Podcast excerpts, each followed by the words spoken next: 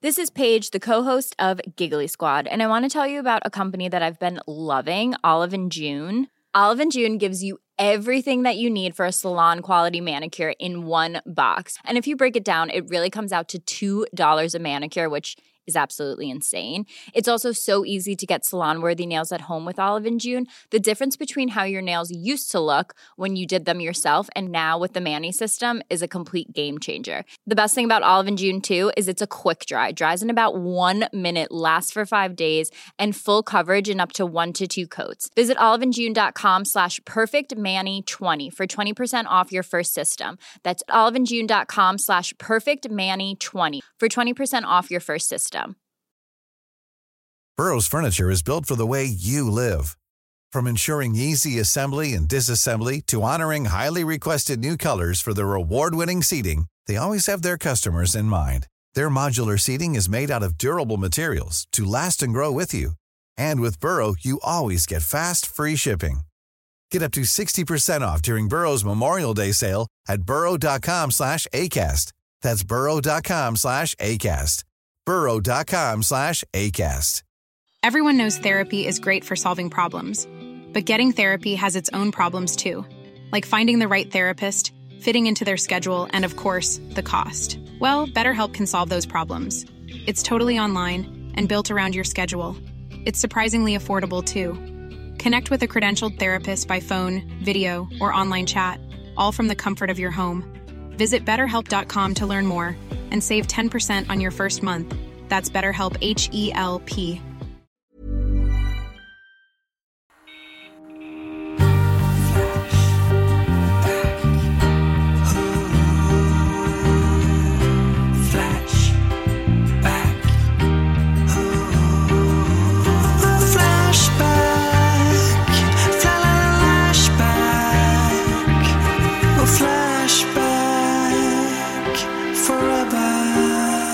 Knyckare, vi sitter här med en vinnare i studion Ja, idag. det gör vi. Och gud, när du sa Emma Knyckare, då trodde jag att jag skulle få skäll. jag blev så nervös. Ja, det gör vi. Det känns jättebra att, att hänga med en vinnare. Ja, visst fan gör det det. det gör Ina det Lundström, faktiskt. grattis Nej, som i helvete. Tack!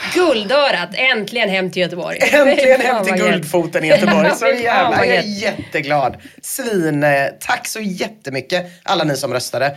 Och eh, ja, jag blev faktiskt otroligt eh, svinglad. Ja, Vilken kväll det blev av det. Jag gick runt och med sån enorm hybris. Eh, Tror fan det. Bara skrek Göteborg på olika sätt. Jag hade också bara druckit typ en och en halv öl. Så det jag, kunde jag absolut inte skylla på. Nej, det Mm. var ren glädje alltså. Det var ren och skär glädje. Man vet aldrig vad som ska hända. Men den här gången blev det ren och skär. Fan vad fint. och skär glädje. Det Vad är gör så det? Ringer det till dig Ja, det ringer till mig. Jag Någon stängde genast av. Jag är jätteledsen för det. Det händer nästan aldrig, så det var ju otroligt att det hände just nu. Ha, eh, Varenda gång. Telefonförsäljare, det vet vi ju. ja, de älskar fan mig alltså. Det är för att jag inte kan vara otrevlig. Hej, jaha, ja, ja, ja. Vad Ska spännande. lyssna, då lyssnar jag på en kvart av din, din utläggning. Kom gärna Manus. hem till mig, Ja. kan du säga. Demonstrera någonting. Just det, ja, precis. Mia, du låter fortfarande lite förkyld. Du, det här är det segaste jag har varit Nej, med men- om i hela mitt det liv faktiskt. Jag har aldrig haft en så här lång förkylning någonsin.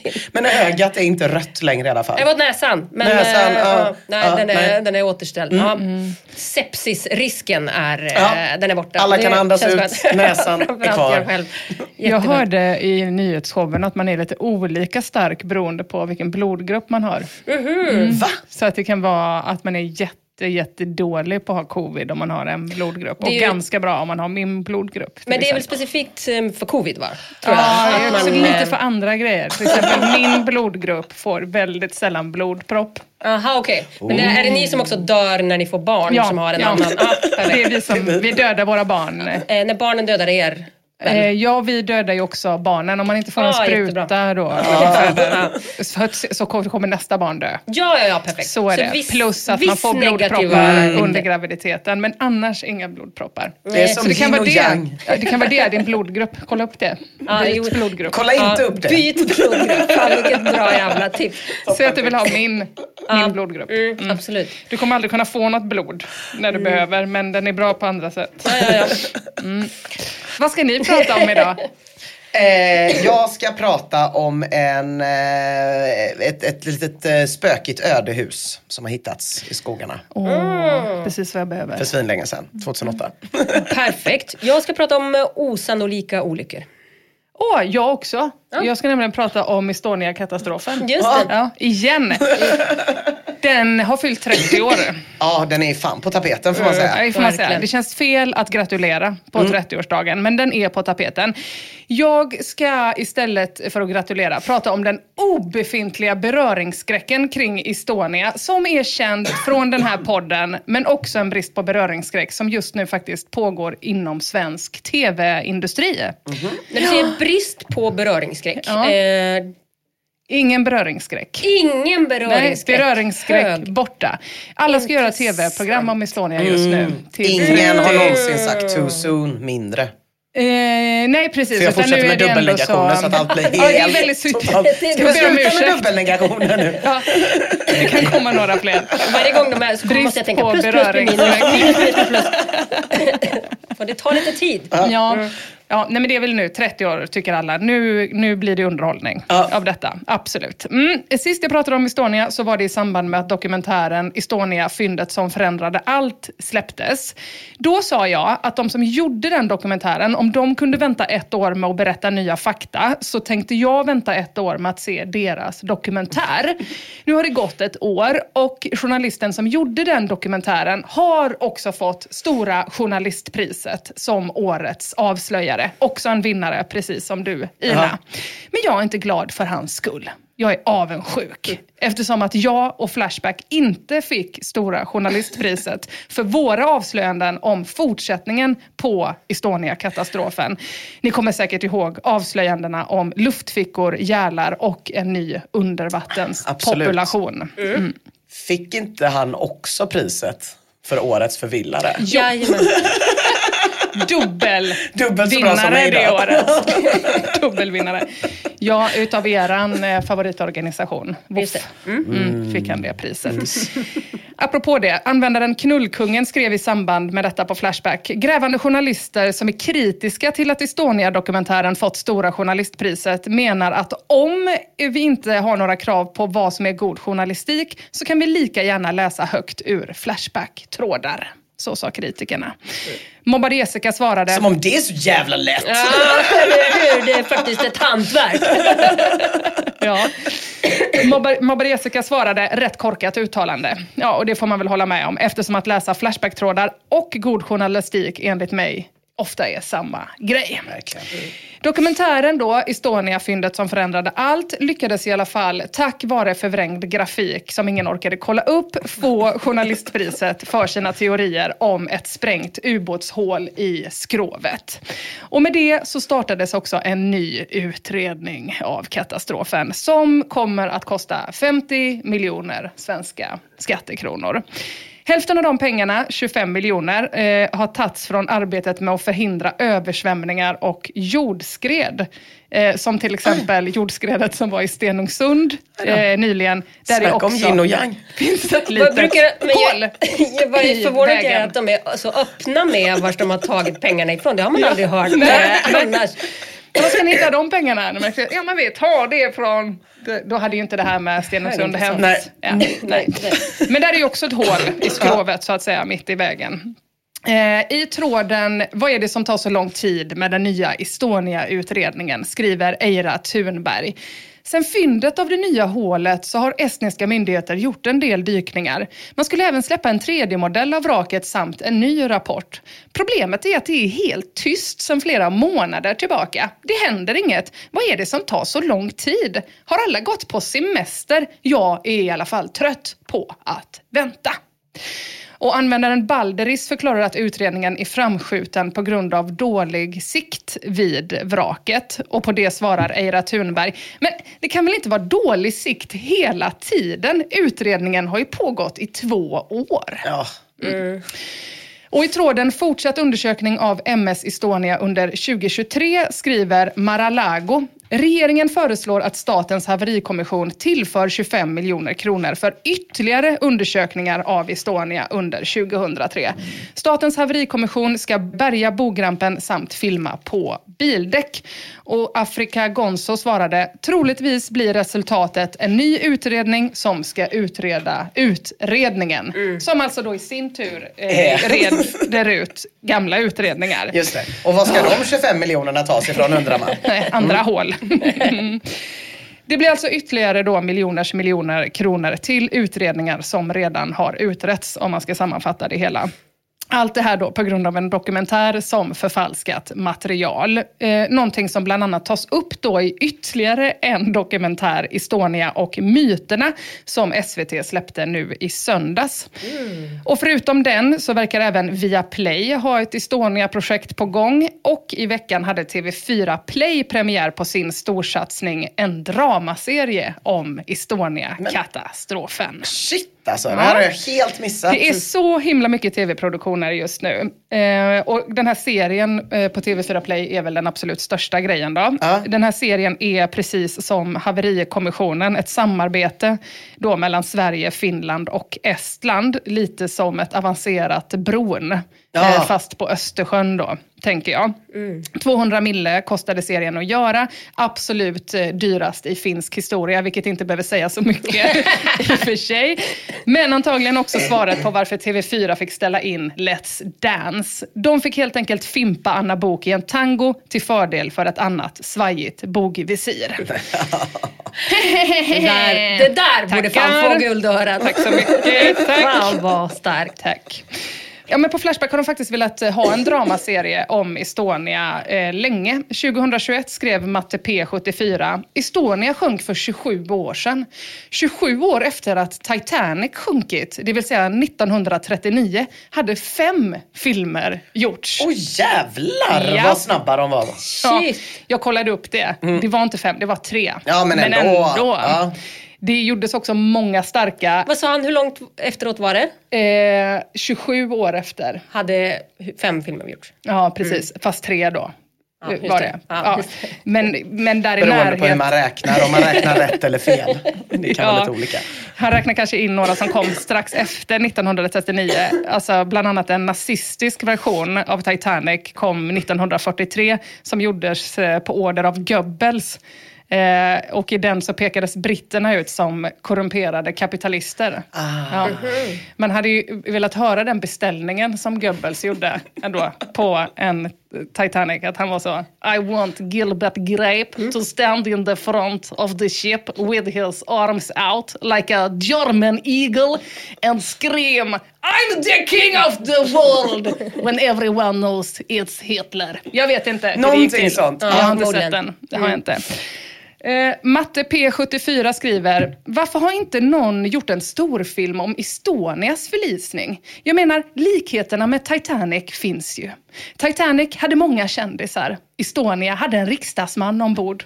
Det går Äh, säkert... ursäkta mig. Pierre Isaksson. Pierre. Isaksson. Ja, jo, jag visste att du skulle ta upp det. Mm. Förlåt, nu är jag klar. Precis. Den här riksdagsmannen blev väl också riksdagsman efter... Jag vet inte. Ja, Det vi vet hittills är att det är Pierre. Pierre, precis. Och det räcker för en film. Pierre var där. Och sen så skriver Matte P74 också, går säkert att trycka in en kärlekshistoria mellan en estnisk besättningsman och en tjej från Östermalm också. Fladderfarfar svarar, nej, folk är spyless på den där skiten. Och Creeping Death känner att efter 20 säsonger av Rederiet så får det fan räcka. Alabama Hotcakes har en annan förklaring till varför inte en serie om Estonia har kommit. Han skriver, nej, det hade nog lett till mer kritik än profit, helt enkelt. Men mina vänner, ett drama om Estonia efterfrågades på Flashback faktiskt redan 2012. I tråden “Skulle en film om Estonia-katastrofen vara en bra idé?” så skriver användaren Danielos. Det har gått snart 20 år. Skulle det vara möjligt att göra en stor påkostad film om denna monumentala händelse idag? Visst, det kan tyckas smaklöst att en sån tragedi skulle bli underhållning, men samtidigt är det en otroligt dramatisk och gripande historia. Jag tror att det skulle kunna bli en mycket stark film om den fick tillräckligt med budget på ARN-nivå och med bra skådespelare. Mm. Eh, Stengubben svarar, Titanic fungerade eftersom att den olyckan har fått ett romantiskt skimmer över sig. Titanic var dessutom en mycket vacker båt och det fanns massa människor i tjusiga klänningar ombord. En gammal Finlandsfärja full med supande nordbor erbjuder inte en lika vacker kuliss för att berätta en historia. Det ligger något i det det. det. är mycket som vilar på Pierres axlar nu. Det känner jag själv också. Jag tror fortfarande på idén men jag håller med ändå med. Mm, precis. Eh, Pierre har väl dessutom också gjort andra avtryck rent kulturellt. Absolut, Ja. absolut, absolut. Så att du menar att man skulle bara kunna göra en film om Pierre där Estonia-katastrofen är med lite grann? I bakgrunden Ja, kanske. jo, det är sant. Man kanske kan, Östersjön kanske kan vara Ja. i bakgrunden. Ja, det är sant. Mm. Det är sant. Rukoshiki är faktiskt inne lite på samma spår. Den skriver, det är något charmigt och romantiskt med en förlisning på grund av ett isberg. Inte lika charmigt med ett felande bogvisir. Dessutom skulle ingen våga göra en film om det eftersom att det är hemskt. Mm. Och Gina Carano-Fan har också en valid point. Den skriver, förlisningen av Estonia tog 30 minuter från upptäckt till att fartyget var helt under vatten. Nej, det håller inte. Nej, det gör det inte. Det skulle Och det bli en visste väldigt... inte jag att det var så Nej, jävla... jag vet inte, jag har inte kollat upp det där exakt. Men det känns ju ändå som att det blir en väldigt, väldigt kort Ja. långfilm. Ja, ja, ja. Just det. Väldigt. Orkestern hinner inte ens eh, ta upp stråkarna för att Nej, spela och det var närmare inte Gud. heller den här liksom, eh, mytbildningen innan att just det här skeppet som vi har byggt är världens modernaste osänkbara skepp. Liksom. Ja, just nu ska mer- vi ta er, och, och er över till den fria världen. Exakt, nej, nej, liksom- Nu ska vi ta er till Tallinn. Nej, Ja, till Stockholm skulle de väl? De skulle till Stockholm, ja, med den här ärvda färgen där Mm. Just de bara det. hade printat över gamla namnet. Jag ser, jag ser problem. Ja. Ja, precis. Som inte var gjord för att gå på det vattnet. Men Insect Queen gör entré i tråden med informationen. Det finns redan en film, Baltic Storm. Hoppla. Tydligen så fanns det då ett produktionsbolag utan beröringsskräck som gjorde en spelfilm om Estonia redan 2003. Det är inte ens tio år Oh. efter olyckan. Oj. Jag surfade genast in på IMDB för att läsa lite mer om den här dramatrillen. Julia är en journalist med ett skop om vapensmuggling från Ryssland. Spåren leder till Tallinn där hon missar MS Estonias avfärd till Stockholm. Färjan når aldrig sitt mål utan förliser på Östersjön. Hon inser att haverikommissionen försöker dölja fakta. Fartygets andre kapten har försvunnit trots att han blivit räddad. I sin jakt efter sanningen inser Julia att förlisningen är en medveten handling där människor offrats för att uppnå politiska mål. Ja, det är hisspitchen till hans dokumentär. Det är det faktiskt. Sjukt att filmen redan fanns. Och den är faktiskt också gjord av en journalist. Den här filmen, som inte fick journalistpriset, sjukt nog, utan blev portad i Sverige. Eh, Baltic Storm är baserad helt och hållet på Jutta Rabes, en tysk journalists då, teorier om varför fartyget sjönk. Det vill säga då att Estonia sänktes avsiktligt av Ryssland för att dölja att fartyget användes av USA i samförstånd med Sverige för smuggling och av vapen och knark då över Östersjön. Men det, det är väl någon sån gammal konspirationsteori. Det var väl också det han fick kritik för han, vad heter han, Henrik? Nej, jag vet faktiskt inte vad han heter. Tänkte att han kunde få vila i frid. Att någon, någon kunde få göra det i alla fall. Ehm, ja, men så här var, det här var Jutta Rabes teori i alla fall och det var det som blev spelfilmen. Vi kan ju lyssna på ett litet klipp ur trailern för Baltic Storm. Och jag vill bara säga att det inte är jag som har lagt in de snabba karateslagsljuden slash örfilseffekterna utan det har filmproducenten gjort själv. We'll have the exclusive. Nuke Doc or whatever he is escaping to the west with a suitcase full of glowing goodies. Give me something concrete I can take to the boys. We've been made. What about the cargo? It's on board but flying solo. What? Your Estonian sidekick has a problem. Have you seen this man?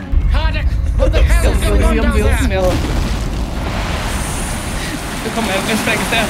The answer to that in Estonia, but it may cost you your lives. Oj, sjukt. Aj, aj, No elektriska one's in stöten. any danger. Och så pistolskott, ja. Den pågår. Jag blir Ja, jag vill se jättesugen den. på att se den här filmen. Jag med. Så jävla sugen. Ja, den låter råmäktig. Whoever's behind this, they want me to go away. Ja, där, där var den slut. Eh, en stark film ju. Stark, mycket, mycket stark trailer. Eh, Jutta Rabe, eh, hon har dykt så många gånger vid vraket att hon har blivit efterlyst Nå, nej. i Sverige. Det är som ditt alter ego. Osund besatthet. Verkligen. Och som tillbakakaka då så tillät inte hon någon svensk media att medverka på premiären av Baltic Storm. Eh, en film då där terrorister blåser ut fartyget med en bomb. Men av betygen på IMDB att döma så verkar det faktiskt vara en bra film. Eh, RH862 skriver till exempel A really good film that should hopefully give greater understanding of the Estonia disaster. You don't need to know anything about the disaster to watch this film. By the end you will know a hell of a lot. 10 av 10 i betyg. En av huvudkaraktärerna är också eh, eh, en av huvudkaraktärerna i eh, den här filmen Human Centipede. Vilket Mhm. verkar öka trovärdigheten för filmen, konstigt nog. Eh, Men alla är inte nöjda. Kyle Eaton 2660 skriver “This film sucked. It never gave us the adventurous part where everyone on board tried to escape the ship.” Och Joe MJ3X skriver “Rest in peace, Dieter Laser”. Och Dieter Laser är inte en av Estonias offer utan en av skådespelarna då i Mhm. Baltic Storm. Eh, både Expressen och Skånskan gav Baltic Storm en etta i betyg när, den, en, när de äntligen fick se den. Då. Och det gjorde även Flashback. Ulf Gulliver skriver, världen hade klarat sig bättre utan Baltic Storm. Som jag, vad jag vet är det enda försöket att skildra katastrofen för en biopublik. Och min kompis, chockad, känd från den stora månlandningstråden om Apollo, eh, undrar varför Baltic Storm är portad i Sverige. Eh, när det enda filmen gör är att berätta den absoluta sanningen. Och det stämmer faktiskt inte helt. Filmen visades faktiskt två gånger i Sverige på bio, eh, trots då offrens anhöriga eh, som var väldigt kritiska mot eh, inspelningen. Benjamin Hedlund skriver, Baltic Storm är inte förbjuden i Sverige. Du kan köpa filmen, ofta till ett väldigt lågt pris eftersom filmen är så dålig att ingen vill se den.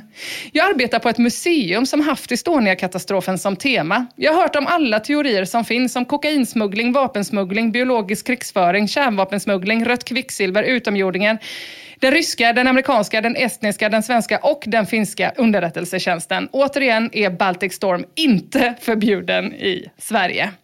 Anna 175 svarar, Benjamin Hedlund gör sitt jobb bra såklart. Han arbetar på museet där vi svenska medborgare ska lära oss om alla lögner som rör Estonia Gate.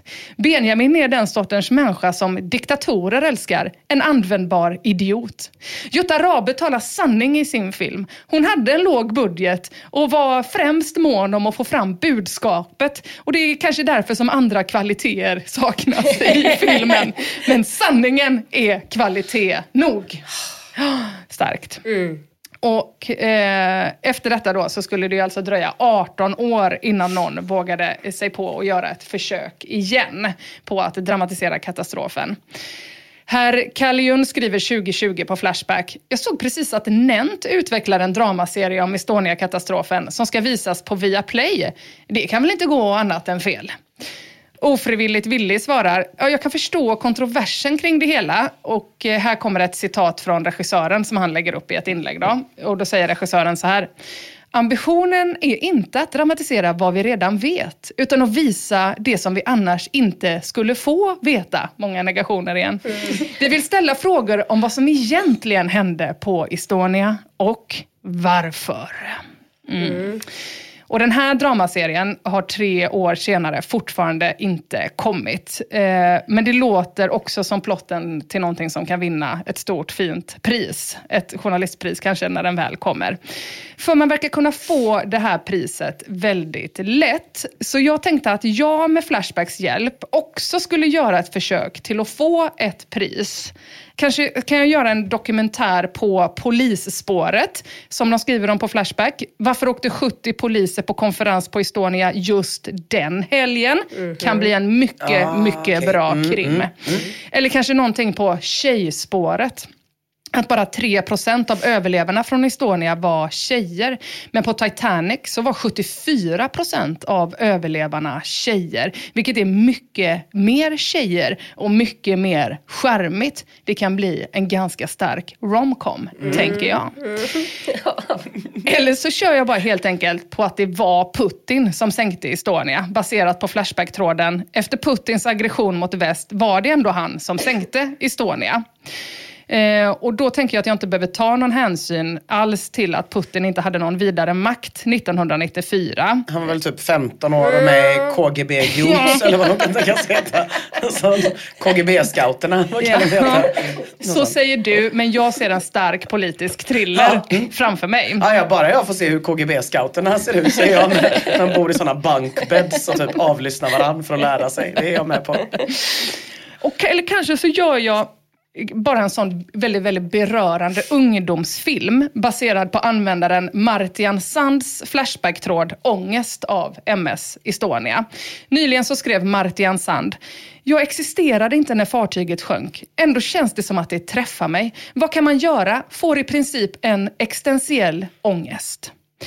Och då tänker jag att den här filmen kanske kan börja med att Martian Sand ligger hemma på sitt pojkrum och har existentiell ångest. Och att hans kamrater liksom kommer hem till honom en och en och försöker dra upp honom ur mörkret med olika användbara tips. Som till exempel tipset att tänka på någonting helt annat, som Dylan skriver om i den här tråden. Han skriver 4 341 personer dog fem år tidigare i en färjeolycka i Filippinerna. Du lär ju känna fyrdubbel ångest just nu när du tänker på den filippinska olyckan? Får lite samma vibbar som när Alexander Pärleros hade drömt om kriget i Ukraina. Det är lite samma plott. Ja, jag kan säga att den här filmen kommer jag inte se. Det kan jag säga. Jag ser precis framför en sån amerikansk indiefilm som någon kompis till en som håller på med film säger att man måste se. Mm. Och sen ser man den och bara, ja ah, det var ju tre och en halv timme. Jag aldrig får tillbaks. Men visst var det snyggt foto. Ja, det kommer vara väldigt snyggt foto. Och den är inte färdig än. Nej, okej, okay, förlåt, förlåt. Den är inte färdig. Nej. Kanske Martian Sands kan bli avledd i sin onda tankespiral av Donald Biden som skriver “Läs på om Treblinka så ska det nog ordna sig”. Eller kanske kan Martian Sand bli hjälpt via KBT i filmen. Congreus Boyd skriver “Har du testat att konfrontera din rädsla till exempel genom att åka Stockholm-Tallinn tur och retur i en C-hytt. Det har inte Martin Sand. Emma, Emma, nu måste du väl ändå känna själv att det inte blir en blockbuster. Om det är en film om en kille som har existentiell ångest och ska bota det med KBT. Mm. Det måste väl ändå kännas som... Och åker en färja som inte sjunker. det måste väl ändå... Det finns ingen, det, dram- det finns ingen inbyggd dramaturgi i den här filmen. Tycker du inte? Det, vi behöver skola in någonting. Jag tyckte de andra filmerna lät toppen men här måste jag sätta ner foten. Mm. Han åker i en C-hytt i Stockholm, Tallinn och blir botad. Ja. Det är väl en jättebra idé? Och så är det slutet då? Då är det slutet ja. ja. Mm. Okay. Jag har en sista idé okay, också. Ja, ja, ja, eh, användaren Skibby skriver, ska man göra en film om Estonia så hade det nog varit bättre om den utspelade sig efteråt. Alltså efter katastrofen. Ah, och det, tycker, det håller jag med om. Mm. Det är mm. mycket mer smakfullt. Det är ju också, tänker jag, såklart bäst att göra en filmatiserad musikal. Det tror jag är min oh, genre. Nu snackar vi om efterspelet såklart. Också för att då minska risken för att det ska bli osmakligt. En musikal baserad på Flashbacks teorier om att det finns överlevare som klarat sig tack vare luftfickor och som nu utvecklat gälar och bildat ett helt nytt undervattenssamhälle på Östersjöns botten. Estonia! Här lever vi på botten, ja! Men vi går upp, upp, upp, upp, upp, upp, upp. Estonia!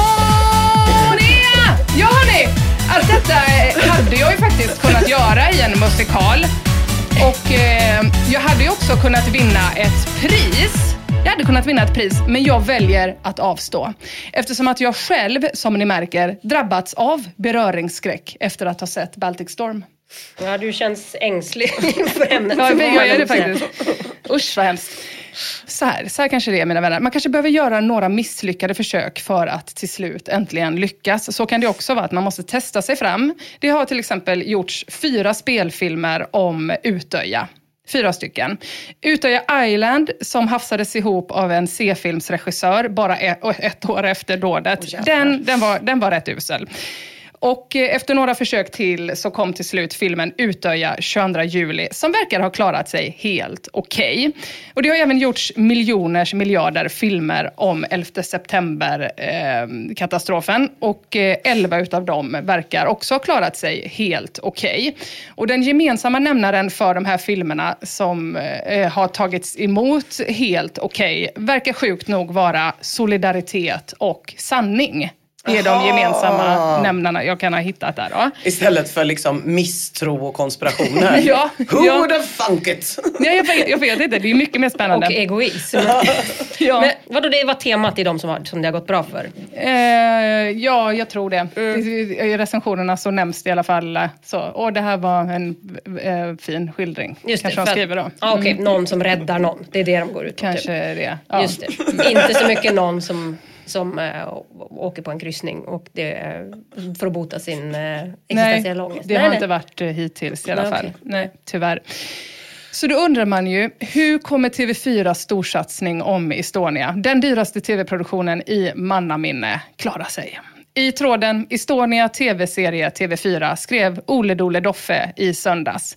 Någon som har sett serien? De två första avsnitten ligger ute på TV4 Play och sänds i rutan 30 oktober. Vad tycks? Händelserna intresserar fortfarande fler än mig uppenbarligen eftersom att man fortsätter suga ut varje smula. 90-talsestetiken fanns det i alla fall, men lite vag röd tråd. Ja, jag och Olle Dole Doffe, vi verkar tyvärr vara de absolut enda som är dumma nog att betala för TV4s playtjänst för att då kunna se TV4s nya storsatsning. För det har inte kommit så många inlägg i den här tråden än. Kanske har det kommit fler nu, jag har inte hunnit kolla upp eftersom att jag betalade 59 kronor för playtjänsten så jag har även varit tvungen att se hela Bonde söker fru och Robinson säsong 268 också nämligen. Schizoflens skriver i alla fall, utan att ha sett serien, så här. Behövs denna serie verkligen? Har vi inte petat i detta tillräckligt nu? Låt stackarna vila i frid. Ole Dole Doffe svarar, behövs och behövs. Tyvärr är hela grejen dåligt skött från start och har hamnat i konspirationshålet, så det lär inte dö ut än på ett tag. Nej. Och eh, den här eh, andra tv-produktionen där, den här eh, dokumentärskaparen till myterna om Estonia som går på SVT nu, eh, han dömde också ut serien redan innan premiären för att föra vidare då konspirationsteorier. Schizoflens skriver, den här typen av filmserie tenderar att bli skit och glömmas bort. Produktionerna blir ofta katastrofala. På gränsen till knappt sebara spottas de ocharmigt ut nära händelsen. Så hur blev det då? Mottagandet av dramatiseringen av världens ocharmigaste katastrof. Jo, till min och Flashbacks ganska stora besvikelse så fick min skadeglädje sig en ganska rejäl törn. Serien verkar nämligen ha klarat sig ganska bra. Eh, Svenska Dagbladets recension med rubriken “Är det etiskt att göra TV av en tragedi?” kommer fram till att det är det och Mm. ger serien en femma i betyg. Det är också så här, jag är väl helt ointresserad av om recensenten tycker det är etiskt eller inte. De måste väl kunna säga något annat om serien. Typ. Är det bra skådespelare Ja. eller i värsta fall är det bra foto. Men det är jävligt konstigt. Så här, Nej men vet ni vad, man får göra serier om det här. Det blir en femma. Det väldigt konstigt. Aftonbladet skriver att serien är värdig och välgjord och ger den en fyra. Medan Jävlar. DN skriver att ingen spektakulär teori lanseras och ger den en trea. Det, det är ändå konstigt att förvänta sig Jättekonstigt. det. Av en det hade, då tänker jag att den hade fått kritik för det. Ja, det det här var en väl spektakulär Ja, ja. teori, tror jag de hade skrivit. Nej, men det är konstigt att förvänta sig att det både ska vara ett helt nytt gräv om den mest undersökta platsen på typ jorden. Ska man komma Ja, fram till något nytt. Mm, där det redan finns, eh, ja precis. Ihjäl folk. Hur mycket folk, ja hur mycket, hur mycket rapporter Och som en helst som har skrivits. tysk som eventuellt är borta. Jutta. Jutta. Ja, nej, men jag, har- Jutta och Gälarna. Det är fan en barn, barnbok jag vill ha. Jag läste alla de här recensionerna ihop med pop-up-reklamer för billiga resor till Estland. Det var väldigt, väldigt starkt. Eh, Eh, Quacks recension av serien på Flashback lyder så här. Det fokuseras mest på vad folk känner hela tiden. Det ska vara sorg och djupa samtal och skit istället för action när båten sjunker i amerikansk stil. Men antar att det är billigare att göra relationsdrama istället för en spänningsserie. Betyg 2 av 5 räddningsslottar av mig. Inte någon serie man måste följa och inga nya saker lär komma upp. Man vet liksom hela plotten så varför ens göra något sånt här? Och då tänkte jag att kanske är det just då behållningen med den här serien, att ingen spektakulär teori lanseras. Jag trodde aldrig att jag skulle säga det här, men eftersom att jag själv drabbats av beröringsskräck så gillar jag att eh, liksom, serien inte är en publikfriande katastrofunderhållning. Istället så är den rätt så jävla seg. det är mest farbröder med överkammad flint som står i olika innebandyhallar och harklar sig och försöker vara en haverikommission. SVTs dokumentär och TV4s serie, eh, de innehåller varken bomber, ubåtar, rysk maffia eller sexigt sex med, i baksätet då på en lastbil. Det vill säga, de är riktigt jävla oskärmiga. Precis som Estonia-katastrofen itself. Men då tänkte jag att kanske att de här tv-produktionerna kunde bidra till att vi i alla fall inte lägger ännu mer miljoner skattepengar på något ännu osexigare, nämligen att utreda något som redan är utrett. Och förhoppningsvis kan människor då, som jag till exempel, som inte bangar för en riktigt snaskig story, efter 30 goda år kanske äntligen släppa skiten och gå vidare med andra saker. Som till exempel att lösa Kennedy och Palmemordet. Ah. Jag har en del spännande teorier där faktiskt som jag tror att regeringen skulle kunna vara intresserade av att höra och sponsra. Det är ju spännande, eftersom att en, ett av morden är lösta så är det ju extraordinärt eh, Lösta. Lösta, exakt. Jag vill, Man kan aldrig lösa nog många gånger. Men Jag vill att du ska Jag vill vara pitcha tydlig med att jag pratar om Kennedy-mordet när jag säger att ett av morden är lösta. Jag vill att du ska pitcha in det för alla filmbolag. Som att så här, jag tänkte göra en film om Kennedy och Palmemordet och så får du svin mycket pengar. Och sen efteråt visar det sig att du bara gör en film om en kille som har existentiell ångest av Kennedy och Palmemordet och gör olika KBT-grejer. Var det inte det här ni ville ha? Are you not entertained? Han får gå runt på Sveavägen Ja, och se ledsen och känna, ut. känna stämningen. Man får se hur han går för att undvika Sveavägen. Det är bara det, byter sida av trottoaren. Snabbt, ingen bakgrundsmusik. Mm, jag hade sett den filmen. 100 procent. Ha, vi flyttar oss nu till en kuslig novembernatt 2008. Då startar användaren Morbide Glidaren en ny tråd i forumet för paranormala fenomen, ockultism och ufologi på Flashback. Gud vilken bra uppladdning för halloween. Ja, det, det, det här är ju en del av Flashback som du tycker mycket om, Emma, tänker jag. Eh, Det är kanske inte där man hittar de allra sannaste historierna alltid. Så brukar det ju kanske vara i paranormala fenomen. Men skitsamma, han skriver så här. Hejsan. Strax intill Vrena i Södermanlands län finns en gammal herrgård med ett gammalt hus uppe på en kulle. Huset är helt tomt, förutom 13 kistor som står i rad. Tre barnkister och resten stora kister. Någon idiot har sparkat sönder en barnkista så man ser skelettet. Det sitter inget lås eller någonting utan det är bara att gå in. Det är extremt kusligt runt huset där och jag har hört att det är aktivitet. Någon som vet något om det här stället.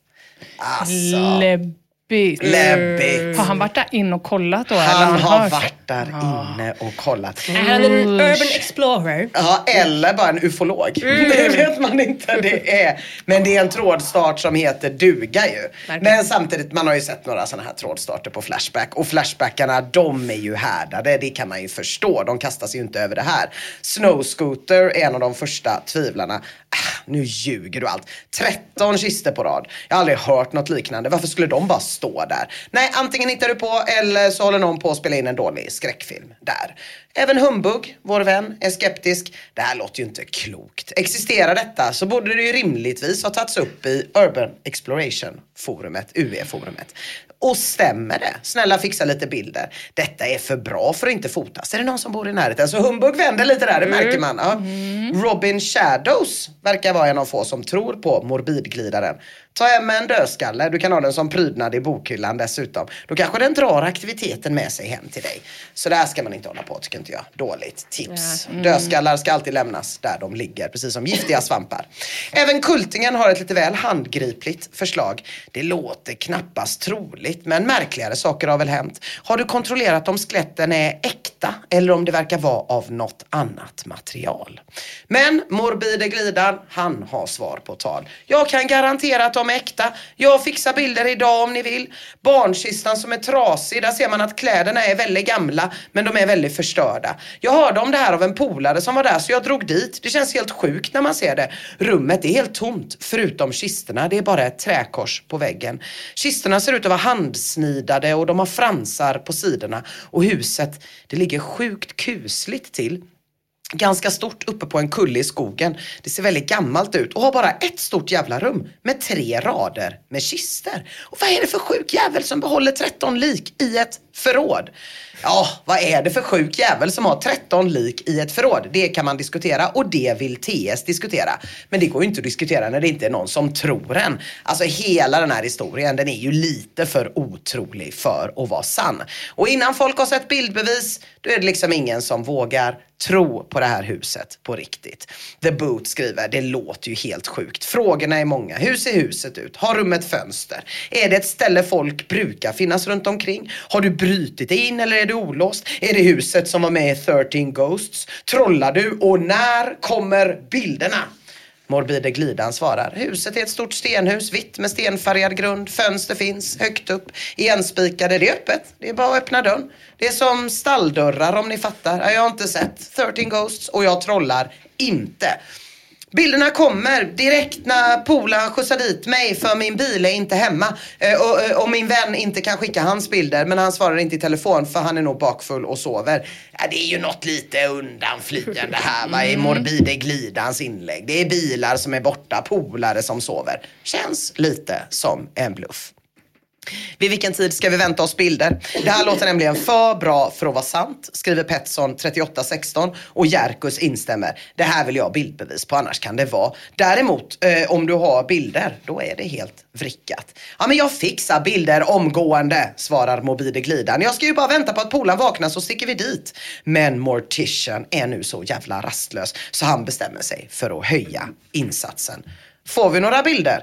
Det är mörkt snart. Jag tror det här bara är snack från TS sida. Jag sätter min högra pungkula på att det inte kommer några bilder idag. Andra Flashbackare erbjuder sig att köra dit men det är ingen som gör det. Ni vet hur det brukar vara. Någon bor för långt bort, någon saknar körkort. Det är en nervös halvtimme men till slut skriver Morbide Glidan. Sådär, polaren är vaken och på väg till mig om en liten stund. Han sa också att han kunde skjutsa bort mig dit. Så snart får ni era bilder och någon i tråden kommer bli av med en pungkula. Oh. Ska jag fixa en stor skylt med dagens datum och texta en flashback som jag kan hålla i framför kistorna också eller? Och nu tjejer är det lift-off, hinner man tänka. Men efter tio minuter, då sitter TS fortfarande och skriver i tråden. När ska ni dra? undrar Pettersson 3816. Morbide glidan. Ja men så fort polan kommer hit och vi har druckit kaffe och fixat en stark ficklampa. Min flickvän kanske ska följa med, kanske någon annan polare. Det är så äcklig stämning där. Jag vill helst ta med mig polarna som var med igår. Man bara, men morbide glidan ditt jävla as. Du kan ju för fan inte sitta och sörpla kaffe nu. Hela Flashback står med handen i popcornpåsen och väntar på de där bilderna. Pettersson 3816 skriver, jag tror att kistorna kommer vara mystiskt försvunna när han väl kommer dit. Och Morbide Glidan svarar, kistorna finns kvar, det kan jag garantera, bilder kommer ju snart. 1549 skriver Morbide Glidan. Sådär, nu ska min vän som heter The Boss 2 här på Flashback följa med. Förmodligen en till ska med, nämligen Armistice här på Flashback. Vi kommer dra dit så fort vi kan, men det får bli lite mörkare ute så landägarna inte ser oss smyga omkring där. Åk någon jävla Land- gång! Och landägare, vilken anglicism. La- Landowner. Helt vanlig landägare. Är så jävla segt alltså att man sitter här och väntar och väntar och väntar. 16 och Lotta skriver här. Nu åker jag dit, jag är hemma om en liten stund. Ja, tack för det. Det satt så jävla långt inne. Men nu är han i alla fall på väg. Flashback hinner ta en liten paus. Kanske sätta på en kopp kaffe och skära upp en bit krans. Och 17.10 är morbide glidaren tillbaka i tråden tillbaka. Det blir inga bilder för the boot. Tråkigt. Vet inte hur jag ska ordna med bilderna för det här kan ju vara olagligt på något vis. Jag tror jag gör ett MSN-konto så tar vi resten via PM. Eller har ni några andra förslag? Och här känner jag så här, det här stället, det finns absolut inte. Morbide Glidan har tagit med oss på en liten fisketur i november lagom till halloween och vi, vi svalde betet. Mortician som satsade en pungkula på att allt var hittepå känner lugnet komma tillbaka. Vad var det jag sa? Bara lögner alltihop. Jag tappar med fingertopparna i bordsskivan och väntar. Jag tror inte jag måste offra pungkulan. Med några av de andra användarna. De vågar fortfarande hoppas. Eh, Upp med skiten på TinyPic eller liknande bara, skriver Big Bite. Det läggs upp bilder som bryter mot lagar eller regler hela tiden. Vad har du att oroa dig för? Skriver Silent Victory. Och 1717 skriver Morbide Glidan äntligen. Här har ni ett smakprov. Resterande bilder laddas upp as we speak på Rapid Share. Så sug kuk, ni som sa att jag trollar. Så här är det också alltid 2008. Att det ska laddas och laddas och laddas. Det ska laddas till TinyPic. Mm. Och det gör han. Han länkar till TinyPic. Och så är det ju med TinyPic-länkar på Flashback. Det vet ju vi tre, men kanske inte alla som lyssnar. De är alltid döda. Ja. Alltid. Och det är ju den här Ibland också. inte. När de är riktigt, riktigt, riktigt tråkiga. Ja. Då, då finns de alltid kvar. alltid Mm. kvar. Men då eh, klippte jag in länken på Wayback Machine och den hade blivit arkiverad. En enda gång i december 2008. Ja, liksom, det var ju skakande tassar. Det var pirr. Klickade jag på länken och medan liksom, sidan laddade ser jag att bilden är taggad med en enda tagg. Kista. Wayback Machine är så jävla långsamt hörni. Men till slut dyker det upp en bild och då, då är det den där lilla jävla rutan med texten This image has been removed or deleted. Det är så fruktansvärt irriterande. Men jag kan säga så här mycket. 2008, då funkade fan bilden. Det märks i tråden och det har laddats upp bilder på andra delar av internet. Vill ni se? Vill vi det? Jag vill jättegärna se bilderna. Kommer jag vilja behöva... Kan jag, för jag ska Ja, sova själv i natt. Nej men fy vad äckligt. Varför har de fransar kistorna? Ja, det är oklart. Ja, de var äckliga du. Det ser ut som en kyrka. Ja. Men det är bara ett litet hus. Blä! Ja, nu har ni fått se bilderna i alla fall. Mycket intressant. Eh, och eh, de bilderna funkade ju 2008, det märks ju tydligt i tråden. Så Lägger vi dem på varför- Patreon eller? Ja, jag tror det va? Gör Eh, så varför Mortician är så jävla kaxig, det fattar faktiskt inte jag. Han skriver alltså så här efter att TS har lagt upp bilderna. TS kommer inte lägga upp några bilder eftersom det inte finns några. TS är ett jävla troll. Jag smeker mina båda pungkulor som är i tryggt förvar. Och Big Bite skriver, men det är ju redan en bild uppe. Om du nu inte förväntar dig några bilder då kan du lika gärna smeka din pung i någon annan tråd. Och det är ju jävligt sant. Urban Resident svarar, den första bilden den är ju så creepy så det räcker och blir över. Tårögd emoji. Betvivlar inte att den är äkta. Nej, inte jag heller faktiskt efter att ha sett den. Nej, eller hur? Men det finns fortfarande tvivlare i tråden och Morbide Glidan hotar förtvivlat med att han kommer att skriva sitt användarnamn på FB-dasen och lägga den på kistan och fota om ingen tror på honom. Men Urban Resident litar i alla fall på Morbide Glidan. Det är så jävla typiskt folk här på Flashback och gapa om fake i det sista. Varför skulle Morbide och hans bekanta gå igenom allt trubbel bara för att iscensätta något som det här? Kom ihåg, det här är 2008, det är långt innan AI tjejer. Så att det skulle ju till ganska mycket för att han skulle fixa det. I alla fall, Urban Resident fortsätter. Det finns mängder av frågeställningar som är mycket mer intressanta att fokusera på. Varför har någon lagt ner möda på att få se rummet och se ut som ett litet kapell? Varför ligger inte kistorna nedsänkta i kristet vigd jord? Vilka är det egentligen som ligger i kistorna? Detta är i alla fall frågor som åtminstone intresserar mig. Och till slut postar Morbide Glidaren en länk till Rapid Share där han har laddat upp filen. Sa ju att jag inte trolla. Puss morbideglidaren.rar. Lösenord klitoris. Hoster är snabb på att ladda ner dem. Shit vad scary bilder. Och det var de bilderna ni fick se då. Men Black Smoke får bara error och när Northix försöker ladda ner står det the limit is reached. Mystiken tätnar, skriver Magnum. Men det är väl för fan det minst mystiska i hela den här tråden. För man fick ju bara 10 gratis nedladdningar på Rapid Share. Och tro fan att Flashbackarna har surplat i sig dem rätt fort. Så trådstaden laddar upp på mega-upload istället och till slut så har tillräckligt många användare fått ner bilderna för att sluta ifrågasätta och börja Flashback-gräva. Supan-Luva tipsar. Lyft på locket och kolla fickorna och runt omkring efter tillhörigheter. Det brukar finnas. Alltså jag känner såhär, Man skulle ju aldrig fan? lyfta på det Nej men, locket. nej, nej men verkligen. Och det är vad- be om att bli eh, haunted. Alltså, Då Verkligen. förtjänar man det. Och vad är liksom man Luvas hobby om han vet att det brukar Mm. finnas? Sån jävla proffsgravplundrare Mm. som går in helt vant som en sån snickare på ett bygge. Typ, kan du kapa eller klyva ögonmåttet? typ som att han har varit med på så jävla många gravplundringar. Usch. Nekrofil säkert. Säkert, säkert. Eh, De andra på Flashback, de är lite mer teoretiska. De vill veta vad som ligger i kisterna och de vill inte åka dit. Utan de tänker använda internet för att ta reda på det. Morbide Glidan har tidigare i tråden länkat till Wikipedia-sidan för Tärnö slott. Och det är på det slottets ägor som huset ligger. Och nu skriver Urban Resident. Om det är en egendom som ligger inom gränserna för Tärnö slott, då är det ju ännu märkligare. Det slottet är väl fortfarande i fullt bruk efter vad man kan utröna från Wikipedia. Det skulle ju vara väldigt intressant att veta vilka som ligger i kisterna. Eh, Slottet har ju tidigare tillhört Brahe-släkten enligt Wikipedia, så det kanske är troligt att det är någon av dem som ligger där.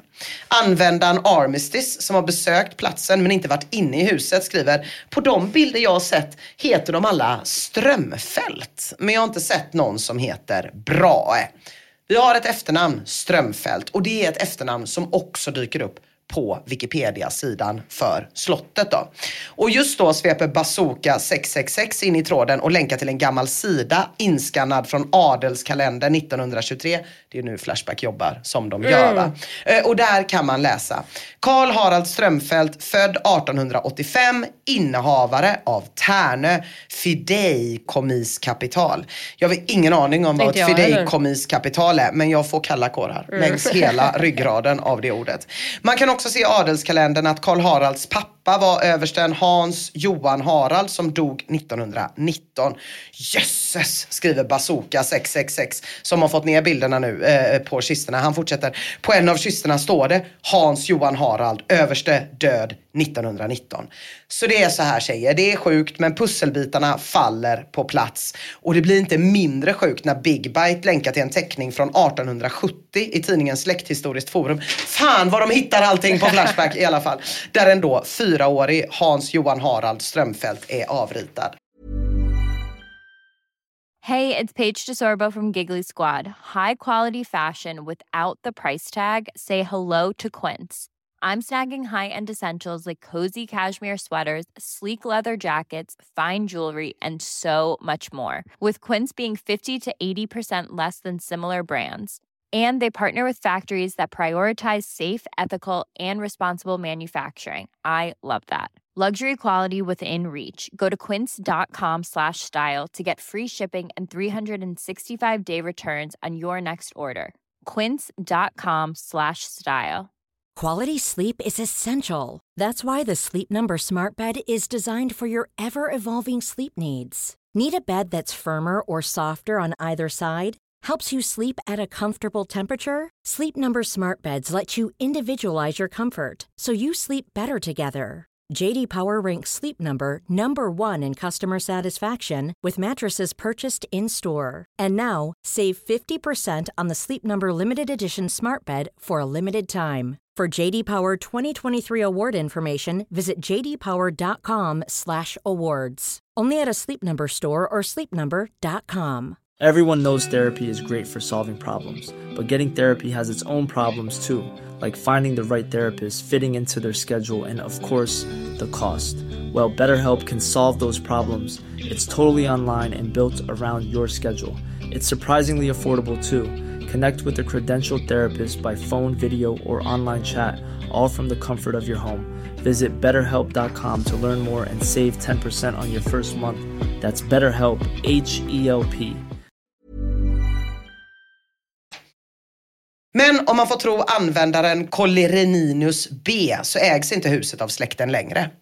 Det verkar som att det är ett anrikt gammalt gods där det bott en adelsfamilj. Sen har huset tagits över av folk som inte ens är släkt med dem eller överhuvudtaget har finare aner. Nu bor det någon nyrik svennegris där som skiter totalt i det gamla. Han verkar inte bry sig om graven överhuvudtaget. Men Flashbackarna, de är ju rastlösa och de har ju inte liksom ens hunnit identifiera ett enda av skeletten innan de börjar spekulera i varför de är där. Är det spanska sjukan? Är det pesten? Är det engelska svetten? Men några tror att det finns betydligt mörkare motiv bakom kisternas placering. Silent Victory skriver, jag sitter och letar så mycket jag kan för att få någon info om stället. Nästan så jag skulle våga tippa på att det har utförts någon sorts ritual eller liknande där. Folk som har tagit dit eh, kisterna. Jag ser detta som en ren hypotes just nu. Jag har inget som styrker det för tillfället. Det är väldigt konstigt att de är överjordiga. Det är det. Ja. Och Humbug spekulerar vidare. Ska man vara sån så kan talet 13 vara av betydelse. 13 kister. Det är nästan för klichéartigt för att vara ett sammanträffande. En del i någon slags eh, satanistisk kult. Ah, jag bara fantiserar. Men William Haynes försöker hålla huvudet kallt. Att det är 13 kister, det gör inte det hela mindre bisarrt om man säger så. Men eftersom det finns ett kors där inne, då tvivlar jag på eventuella satanistiska ritualer. Men Winterborn tycker ändå det här med 13 är läskigt alltså. 13 kister, scary shit. Även fast man själv inte är vidskeplig bör man ju undra varför just 13? Och Mr Bond har en teori. En kvalificerad gissning är att de var 13 som dog.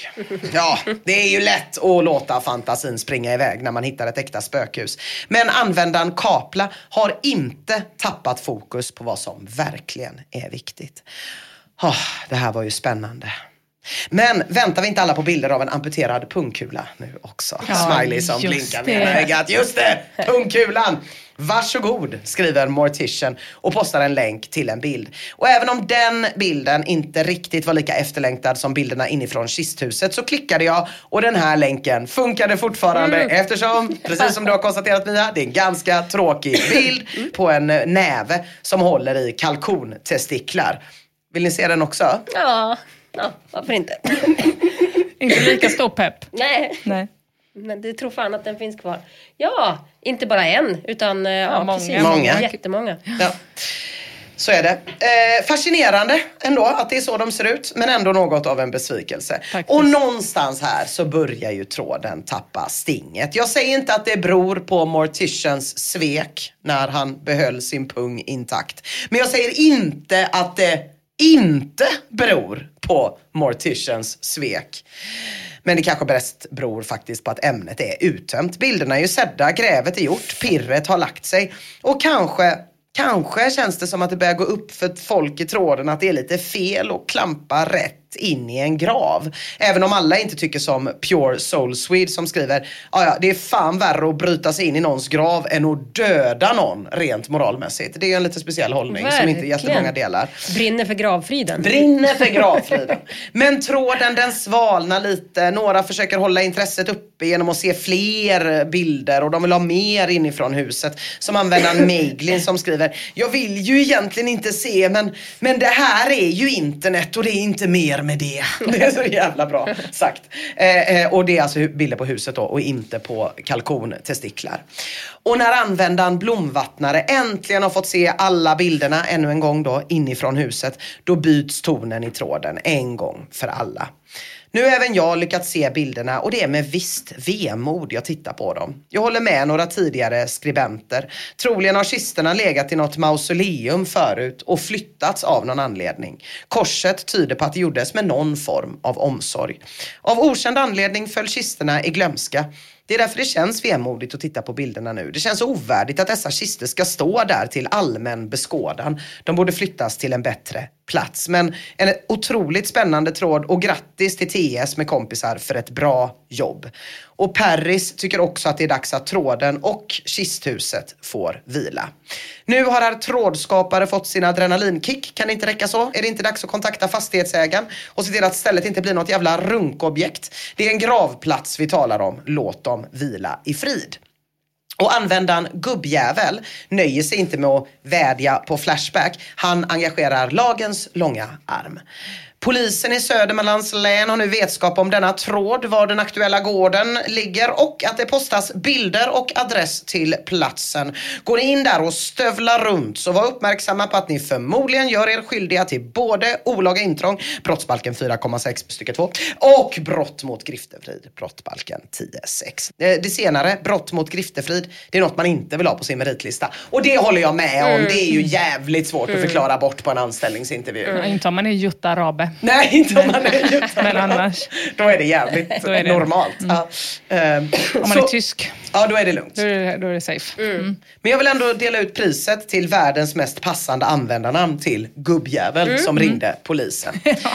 Men det kanske mest olycksbådande inlägget det kommer från Nira Rodr som skriver Nu ser vi alla framför oss hur folk springer man ur huset mot sina bilar. Sensationsjournalister bränner iväg iförda enbart Aftonbladet kalsonger och fjortinsgängen gränslar sina moppar. Alla i vild färd mot det gamla kapellet. Vi får även ha i betänkande att den enorma andel Flashback-besökare som inte är medlemmar utan endast läser alla ihop om att få komma över just sånt här saftigt. Vägbeskrivning till ett öppet kapell med 13 likkistor innehållande barnsklätt. Ja, ja, det är ju något att skryta om på Fragbite, den lokala grillen, eller Spybar. Eh, vi vet inte vad som hände 2008 om det var så att någon skröt på Spybar. Men en sak vet vi och det är att sensationsjournalister enbart iförda Aftonbladet-kalsonger de brände iväg i vild färd mot det gamla kapellet.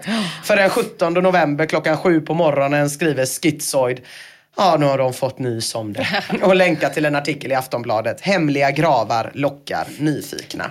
Ja, festen är över. Någon har ringt en vuxen. Lampan är tänd. Nu är det dags att leta upp sina kläder och hasa sig hem. Man känner sig kanske till och med lite smutsig. Och som ett extra bevis på att trådens mystik nu definitivt är död kommer moderatorn Humbug in och skriver. Det är med sorg i hjärtat som jag tvingas skiljas från denna tråd. Men den hör bättre hemma i underground exploration. Ja, 439 inlägg och 35 979 visningar senare flyttas tråden från paranormala fenomen till UE. Spamfilter försöker analysera vad som egentligen hände i den här tråden. Själva trådstarten var ju super. Men när jag fått smälta information och bilder då blev det för mycket. Det är ändå vanliga människor som ligger där med tillhörande släkt utanför. Jag gnäller inte eller kastar skit på någon för det var lite spännande. Men nu är allt uppklarat och då tycker jag, eftersom allt hade en naturlig förklaring, att vi låter människorna vila i frid. Det hade kunnat vara din bror, mormor, farmor och så vidare. Och Paris fyller på. Bra att det bidde som det bidde. Nu kan alla vara nöjda. Flashbacks ynglingar har kollektivt fått kissa ner småbyxorna på småtimmarna. Media har fått klädsam kåtglans i ögonen över lite sensation till några lösnummer extra och fastighetsägaren fick vetskap om att låsinrättningen på privatkyrkan var kaputt.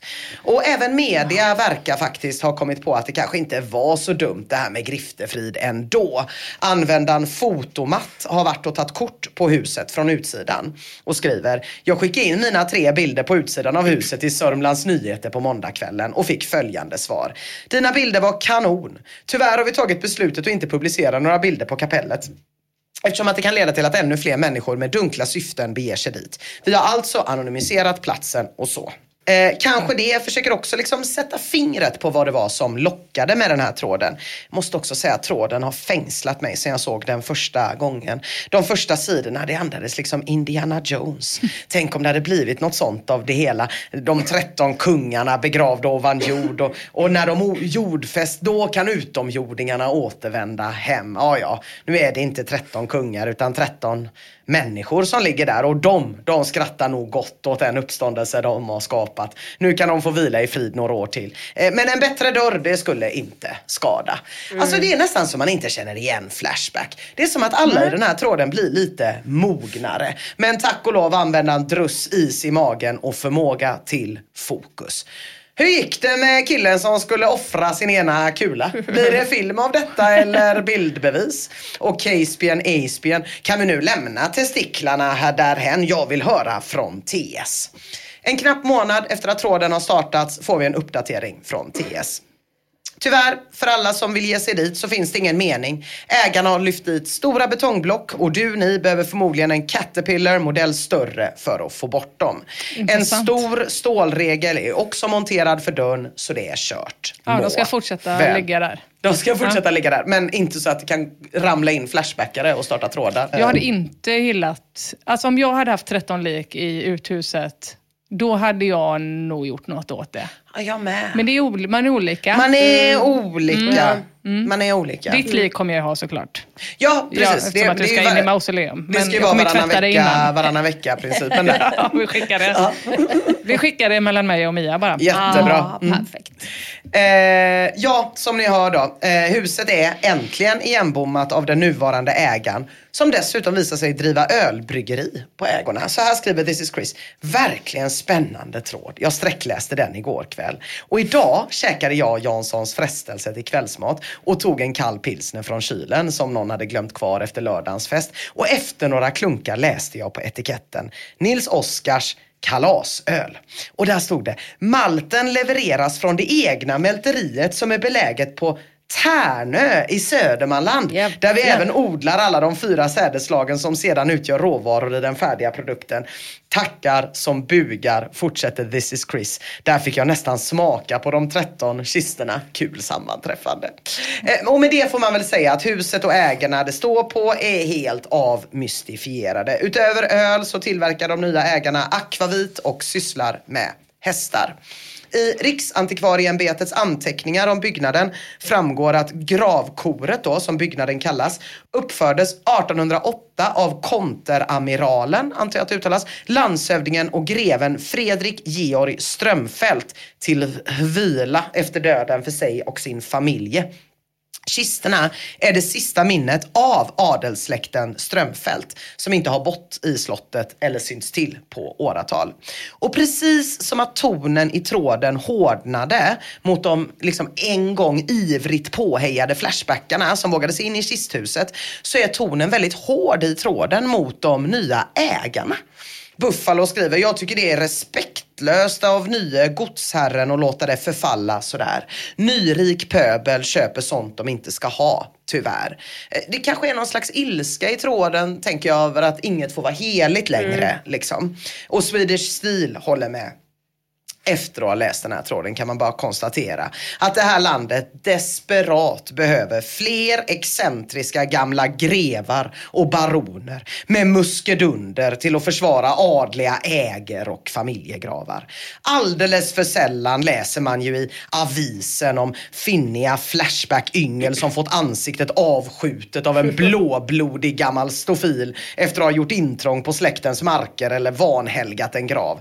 Att nyrika uppkomlingar eftersätter underhållet och bevakningen av våra gods och herresäten, det är en förbannad skandal. Som köpare av en herrgård har man givetvis ett juridiskt och moraliskt ansvar för att se till att ett appendix i form av ett gravkapell är fortsatt helgat, låst och bevakat. Vet du, det håller jag fan med om. Eller hur? Mm. Jag tycker också Mm. det. Jag tycker fan det är exakt så. Jag tycker Mm. det är så jävla bra eh, formulerat. Och en Mm. annan sjuk grej är att liksom 800 inlägg in i den här tråden så börjar jag känna ungefär likadant för den här tråden som Buffalo och Swedish Steel känner för gamla svenska gods, herresäten och gravkapell. För den här jävla tråden den förstörs ju till slut av vandaler och provokatörer och pöbel som inte orkar läsa igenom den. Och jag tröttnar på liksom fjortisgängen som rullar in i tråden och frågar kan han länka bilder? Och man liksom suckar åt Flashback-yngel som undrar var ligger huset? Det är nästan som att vi liksom som orkat läsa varenda inlägg själva tillhör någon slags adel. Tråden är liksom våra ägor. Och folk som kommer in efter tusen inlägg och frågar är kistorna tomma? De är fan gravplundrare. Förlåt, nu blev det lite väl snöjt. Jag visste inte att jag var en fornminnesgäri, men det är jag tydligen. Kisthuset och tråden hade parallella liv under några år och det är fint tycker jag. Och precis som Alfoné sa om kisthuset säger jag om tråden. Intressant historia det här. Men grabbar, sätt stopp här och ge fan i att gå dit och snoka något mer. Ha, eh, innan jag börjar ska jag säga att den där jävla aids-pratan, jag håller på med den men det, det är fortfarande... aids, aids, aids. det tar lite tid. Det är svårt när du fortfarande har aids själv. Mm, det är lite svårt. Nej, men jag ska, istället så ska jag jacka i din eh, katastrofprata, Emma, eller din Mm. olycksprata. Kul. Och här om veckan så inträffade en extremt tragisk olycka i Örebro. Det var en bilist som väjde för ett annat fordon och när den gjorde det så drämde den rätt in i en stolpe. Stolpen föll och föll rakt på en kvinna som dog av sina skador. En otrolig jävla otur och så osannolikt att det knappt borde kunna hända, tänker man ju spontant. Verkligen. Också i trafikering. Man tänker att det kan hända när man går i skogen, att det kommer en älg och sparkar en i ansiktet. Men inte på en, en stad. Nej, okej. Jag skulle ju annars tänka att det är mer Nu är, rimligt. rädd, nu är jag rädd eh, också för vägar och civilisation. Innan har jag Ja. bara varit rädd för skogen. Ah. Jag tror Ja. det är mer rimligt att vara rädd för vägar och civilisation. för Flashbackaren Bobo Box påminner om att en liknande sak faktiskt hände i Göteborg så sent som 2019 när en lastbil körde på en stolpe som föll rätt på en passerande gångtrafikant och även han dog. Vad i hela helvete? Verkligen. Flashbackaren Flora 1 skriver det jag och jag tror ni tänker. Eh, snart kan man inte lämna hemmet och inte ens där är man säker. Nej, åk inte i skogen. Inte Ingenstans är hemma, man säker. inte flygplan. Det är enda stället man kan Ja, vara på. flygplan. Men Bara det- flyga runt fram och tillbaks hela tiden. Verkligen. Men det känns väl som att livet verkar vara förutbestämt och sluta i död. Det är fan ohyggligt. Det har du rätt i. Så jävla snöigt. Eh, I. Samband med den här senaste olyckan då, då eh, tog användaren Krona initiativet att starta en tråd på temat osannolika olyckor. TS Krona berättar då som brukligt den första historien och han drar sig till minnes en händelse från 1991 där en 18-årig bilist träffades i tinningen av en förlupen kula som färdats flera kilometer från ett militärt skjutfält. Kulan kom in genom en sidoruta som enligt TS ska ha varit nedvevad vid tillfället. Det är så extremt osannolikt. Det handlar om hundradelar. Alltså det, ja. Eh, men apropå förlupna kulor. Setire 1 berättar om en skidåkare som dödades av en kula kommen från en älgjägare. Det har vi ju pratat om tidigare i podden. Älgjägare som glatt skjuter omkring sig och träffar det som bjuds. Men i det här fallet så har kulhelvetet träffat en älg för ovanlighetens skull, får man väl säga. Bra, då kan den inte sparka en i ansiktet. Nej, den gick in i älgens hals och ska därefter där inne ha ändrat riktning. Gjort en mycket, mycket svag vänstersväng och därefter träffat en 71-årig motionär på längdskidor som dog. Nej men inte en 71-årig motionär, den har ju gjort allt rätt. Ja. Du har gjort allt och så när du motionerar, Mm. när du gör ditt liv längre, då får du pisset. Det Vet du är vad? orättvist. Det är som att universum verkligen ville att han skulle dö. Ja, så det är för tråkigt. jävligt. Ja, eller vill säga någonting om hur hemskt längdskidåkning är. Det är typ som att bli kvävd av Du sin älskar ju cykelhjälm. längdskidåkning. Nej, jag hatar ju längdskidåkning. Jag kom ju nästan sist. Ja, men du åker ju längdskidor hela tiden. Nej, inte sen dess. Du är borta hela vintrarna för att åka längdskidor. Inte sen dess. Du. Nej. Eh, Ted Bundy tar en vandring bland sina minnen. Han skriver, jag är ganska säker på att jag har läst om en turistbuss som åkte av vägen och några dog. De som överlevde fick flyga hem och det planet störtade. Nej. Jag har såklart inte kollat upp sanningshalten i det här eftersom att det är en bra historia. Det Den är lite Alanis Morissetsk. Ja. Och det räcker gott för mig. Herr Dittlings historia vet jag däremot är 100% sann. En tennisdomare fick en stenhård serv av Stefan Edberg på sig och dog. Det var mycket riktigt så att Stefan Edberg under finalen av juniorernas US Open 1983 servade ihjäl en linjedomare. Det var den 61-åriga Richard Wertheim som satt på en stol vid mittlinjen och träffades dessvärre av Edbergs boll i skrotumområdet och kastades då bakåt och slog sitt huvud. Undrar hur det känns. Alltså det både, måste ju kännas både bra och dåligt. Det är väl som att vinna årets förvillare och, och, Journalistpriset samtidigt. Att du liksom har råkat yang. en gubbe, Ja. men samtidigt vet du att du har en riktigt, riktigt stark server. Mm. Ja, jag tror det känns kanske sådär eftersom att servern ändå inte gick på plan utan utanför. Ah, okej, Så, ja. ja. Wertheim i alla fall fördes till sjukhus men hans liv gick inte att rädda. Och användaren Fläskbak inom parentes kille Jävligt bra användarnamn. Skriver i en tråd som handlar om den här specifika händelsen. Stefan, han är en god vän till mig. Han mådde inte bra efteråt, ska Nej, jag har säga. vi fått svaret, det gick inte jämnt upp. Nej, precis. Och det stämmer ganska bra med bilden som man får av eh, artiklarna om det här. Stefan Edberg ska ha övervägt att sluta när det hände. Pojken hade fan inte ens fyllt 18 år. Så jävla deppigt. Och sen dess så får eh, inte linjedomarna längre sitta på stolar. Det är tråkigt när en person, han som dog, ska förstöra för alla andra. Men då måste de, flytta, de måste stå upp nu så Nu att de kan måste flyt, de stå. förflytta Som om sig. det var det. Alltså, det känns ju som att han hade kunnat falla. Ja, men det var väl vältet då? Jag antar det. De sitter väl på sådana höga... Ja, det är såna höga stolar. Ja, precis. Ja. det var det. De kan ju sitta på läktaren. Men, Ja. ja, men sitter de inte på sådana stolar? Vad heter han? Björn Hellberg sitter väl alltid på en sån stol när han inte sitter det, och jag, vet signerar inte, jag böcker? tror att linjedomarna, det, det är nog något huvuddomarna tror jag kanske. Vet du vad? Jag kan ingenting om Nej. tennis så jag har ingen aning. Inte jag heller. De är det kanske bara får sitta på dödsolyckor, är stolar det bara dödsolyckor du ska ta upp? Eh, ja, i princip. Herr Dittling har ytterligare en stark historia på lager. Han skriver så här. Tonsättaren Jean-Baptiste Lully slog taktstaven i foten av entusiasm. Det blev till ett elakt sår och Jean-Baptiste avglider kort därefter i kallbrand år 1687. Där vill jag ändå säga så här, det där är ju inte otur, det där är ju bara 1600-tal. alltså, det, där är, det där ju bara, jag skulle vilja säga att 95% av alla på 1600-talet dog Ja, exakt så.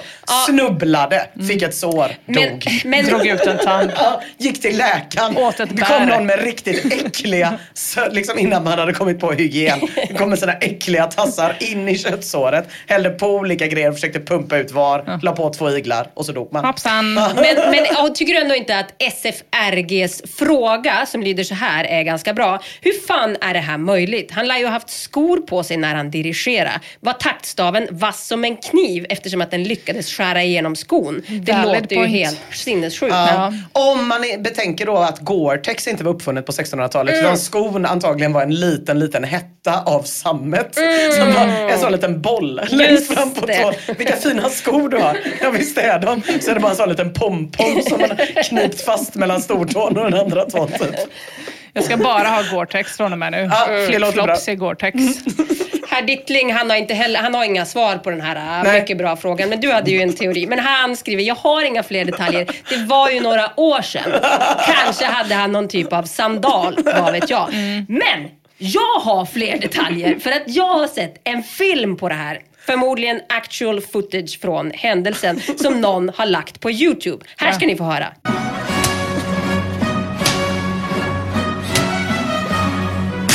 Oj, oj vad hårt han. Oj. Ja, det var ju tråkigt. Men vad hårt han slog. Han Vad är det för sjuk historical reenactment dokumentär det här kommer ifrån? Var det hans skrik till tjejskriket? Nej men det var ju Det var en kvinna i publiken som Jaha. blev så förfärad. Nu är ju det här ett ljudmedium så även om ni hör så ser ni ju inte att staven av någon anledning är formad som ett spjut. Den är pissfast. Åh nej. Jag vill, då vill jag ändå säga med mina begränsade kunskaper om 1600-talet att det är overkligt att en kvinna skulle bli förfärad vid synen av blod. Det skulle snarare vara så här. Hej! Det, det är med att han ser så ledsen ut när han Aha. kör foten genom, eh, genom kör staven. genom foten. Det är nog det hon blir förfärad över tror jag. Ja, nej Vad men... är det för dokumentär? Vad heter den? det här var ingen dokumentär. Det här är någon, det är någon slags spelfilm om Okej, det är en film. Då vet vi hur den slutar. Too soon Mia. Emma, Ja. tänk inte ens tanken på en film som får existentiell ångest om en film om en person som får det av den här händelsen. Nej, jag har absolut beröringsskräck för den händelsen. Hade han tjejskor? Ja, de såg ganska lösa ut, eh, får jag säga, skorna. Penetrativa. KBT. Gå och kolla på en dirigent Ja. i tjejskor. Jultrollet berättar om en lite mindre osannolik död. Han skriver en olycka som jag inte riktigt kan släppa fortfarande och som jag alltid tänker på när jag skär gurka i köket. Det är den med den stackars mannen som kvävdes av en gurkbit när han gjorde en macka. Han sprang ner till gatan för att få hjälp men ingen förstod ju att han hade satt i halsen. Backwood Deja Flash skriver, med tanke på alla ensamhushåll är det dåligt att man inte lär ut Heimlich-manövern man kan göra på sig själv med en stol. Och det tyckte jag var en ganska bra poäng och jag kollade såklart upp hur man gör det. Inte alls dumt att kunna faktiskt. So, you're by yourself and you're choking. There's no one there to help you. Here's what you can do. The idea is you're going to use the back of a chair to simulate an abdominal thrust, this movement. So, what you do is you're going to throw your stomach on here really hard. Ina, testa and nu. force some air up to dislodge the object that's stuck in your trachea. Spydde du nu? Eller hur? Det är riktigt jävla bra att kunna. Men också rätt jävla forever alone och behöva göra Heimlich på sig själv. Lite mer forever alone än att få könsherpes av autofilatio med faktiskt. Jag tänker ändå att eh, det finns ju även människor, det är inte bara ensamhushåll som inte alla behöver kunna det. Ja, jag jag, jag tänkte, nej, det, när jag började kolla upp det så kom jag, började jag räkna på hur många timmar om dagen som jag är alldeles ensam. Eller hur? Och det är väl ungefär 90% av all vaken tid. Och också även om någon annan skulle vara med typ på en restaurang så vill man ändå hellre lösa det själv. Ja, det blir pinsamt ja. Jag Det är också hoppas ingen jävligt mäktigt att sitta vid ett bord och så typ är man lite tyst ett tag, får lite lite stirrig blick. Folk hinner knappt notera att det är något fel med en förrän man har gått och gjort Heimlich-manövern på sig själv och sen så sätter man sig igen och bara Alltså fan vad bra sagt det där var alltså. Skit. Det där, vet Vilket jävla där är? partytrick. Det där är drömmen om självständighet. Ja, det är exakt. samma sak som autofilatio. Fy Men det är alltid fan. pinsamt om man råkar slå sig och så. Så Mm. man hoppas ju att ingen märker om man, om man kastar sig över en stol. Nej, precis. Hoppas ingen såg. Jag såg en, eh, en eh, video på en kille som gjorde det här på sig själv. En sån, det var en övervakningskamera och han skulle öppna sin restaurang. Och så hade, satte han sitt tuggummi i halsen. Och Åh, det nej. var liksom ingen i närheten. Och han höll på i två minuter innan han eh, började göra den här. Så han gick bara omkring och typ slog sig lite för Ah. bröstet och försökte liksom. Och så till slut så bara gjorde han den här jäveln. Och ut for tuggummit. Så jävla coolt. Mäktigt! Det är nästan så att jag ska göra det bara för att få göra det. Som en partytrick. Att jag ska göra det med vilje. Sätta något riktigt gött i halsen. en så, gurkbit. som liksom för att markera en... ah, oh, nej, så här ska det vara. Man börjar berätta en rolig historia. Mm. Man blir lite röd i ansiktet. Man tar konstpausen. Alla tror att det är för att man tar en konstpaus. Ah. Men det är för att man håller på att kvävas. Gör en snabb Heimlich-manöver på sig själv. Och sen kommer punchen. Så jävla mäktigt. Ja, det är jävligt Ja. kingigt. Ja. Hot shots! De betalar. Man känner på pulsen, har inte ens stigit. Mm. Nej, fan vad mäktigt. Eh, Soxaro berättar om den 38-åriga Marisa Weber från Florida som ställde sig på en pall och skulle rätta till någon form av sladd så, eh, till tvn som liksom gick bakom en bokhylla. Och då föll hon över bokhyllans kant och hamnade bak i den. Upp och ner i en ställning där hon inte kunde andas. Åh nej, det är jobbigt. Soxaro skriver, familjen trodde först att hon hade rövats bort och hon plötsligt bara försvunnit från hemmet. Men så kom hennes syster en dag och kikade bakom bokhyllan och där fanns kvinnan. Hon var död och låg med huvudet neråt och benen upp. Ovärdigt. Det tog, ska jag säga, 11 dagar innan syrran hennes hittade henne. Hur fan det är möjligt att det tog så lång tid att hitta henne, det förklarar mamman som sov i samma hus som den döda Maria, Marisa under hela tiden. Hon förklarade det så här enligt NBC News. She's a little thing. Hon är en liten... Hon är en pytteliten sak, sa Hon märk- mamma som en förklaring till att de hittade henne så sent där bak i hyllan. Två äpplen hög. Men jag kollade Åh. upp hur lång hon var. Hon var 160 centimeter, det är väl inte jättekort? Det är ganska kort. Alltså, nu det är när 10 jag centimeter kortare än vad jag är. Ja, jag vill, nu när vi har lagt upp bilder på Ina eh, när hon har vunnit Guldörat, Mm. då är flera kommentarer faktiskt, för hon står ju bredvid Annika Lantz eh, Mm. på bilden och då är det många som har skrivit till mig, oj, är hon så lång i verkligheten? Jag ser henne som en kort person och jag Ja. bara, jag vet!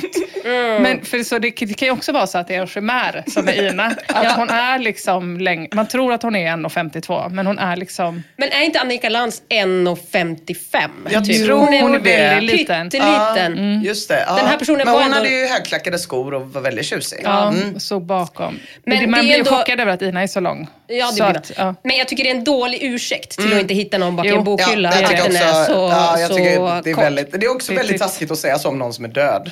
Alltså det var deras fel. Det är, lite, det är lite att hon hade så kort kjol. Att det är lite såhär, ja jag sov i rummet där mitt barn kvävdes till döds. Sov jag gott under 11 dagar. Eh, Men hon skulle tänkt på det innan hon blev så himla kort. Hur liten verkligen. märks knappt. Nej. Eh, Jag hittade en eh, lite äldre systertråd till den här som heter Vad är det sjukaste sättet du har hört att någon har dött på? Där ska jag säga är stämningen lite mer eh, gorig. Men vissa kan man läsa utan att få svårare men. Användaren P3WN skriver Min granne fick två hjärnblödningar. Huset nerbrunnet samtidigt som han låg och sov. Han tog sig ut. Men sen dog stackaren av ett kycklingben i halsen. Nej. Anders hända Timell. Men han hade så liten strupe. Ja. Så pytteliten Kan det hända vilken blodgrupp som helst också? Anders the Man skriver i samma tråd. Jag kommer ihåg en gammal historia om en spansk kille som fick en nedfallande stenbumling i huvudet när han som bäst satte på en höna. Det är nog det sjukaste stället jag har hört och dö som jag har hört talas om. Åh gud, jag har varit med om tvärtom. En kille jag var ihop med fick en and i huvudet. När han knullade en cyklade. Ja, det hade varit tvärtom faktiskt. Ja. När han åkte på sin cykel. Fick åka till sjukhuset. ja, det var ju jätte, otroligt faktiskt. Tror ni anden dog innan den landade i hans huvud? Eller tror ni den medvetet siktade på huvudet och dog i krocken? Det tror jag. Kamikaze. Det tror jag. Ja, det är svårt. Det Jag finns en... kände att jag börjar bli gammal, jag har inte så mycket att leva för. Minnet är inte vad det en gång var, lederna är stela. Jag vill inte leva så här, det blir aktiv dödshjälp. Den där jäveln har jag alltid hatat. Så tror jag. Så var det förmodligen, ja. Ja. Harmanda skriver, en släkting till mig klev ut på Farstubron till sitt torp eh, efter ett åskväder och sa nu har det slutat åska! Varpå blixten slog ner i tanten och hon dog direkt.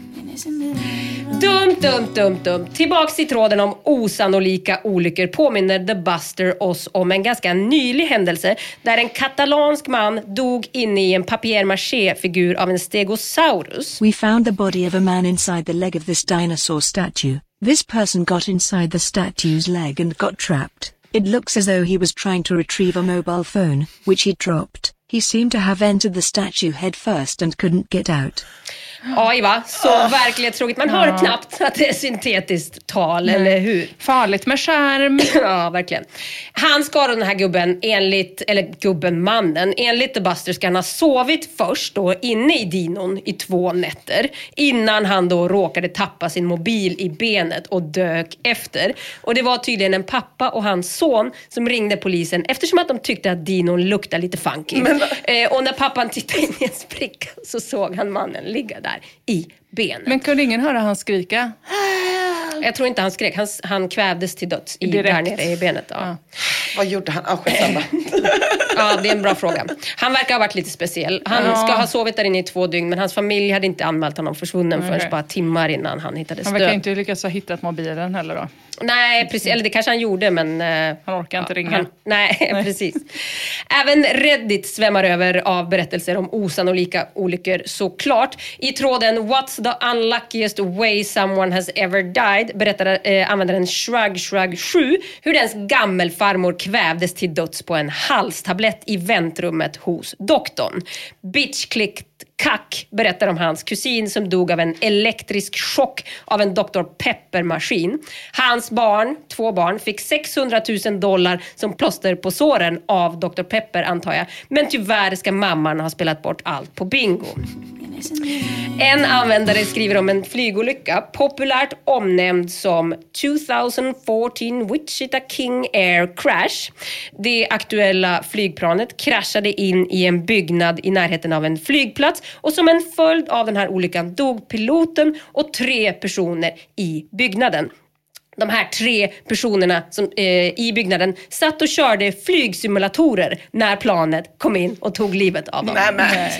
Ja. Vill man veta mer om det så finns det en video på Youtube som heter Real Plane Crashes into Flight Simulator som jag kan rekommendera om man gillar filmer från flygolyckor Det är som jag. Bra då att de i alla fall trodde att det var en sim simulation. Ja, Ja. Mm, ja, är det bra eller jag vet inte. Tråkigt när man upptäcker att det är på riktigt. Ja, om man hann.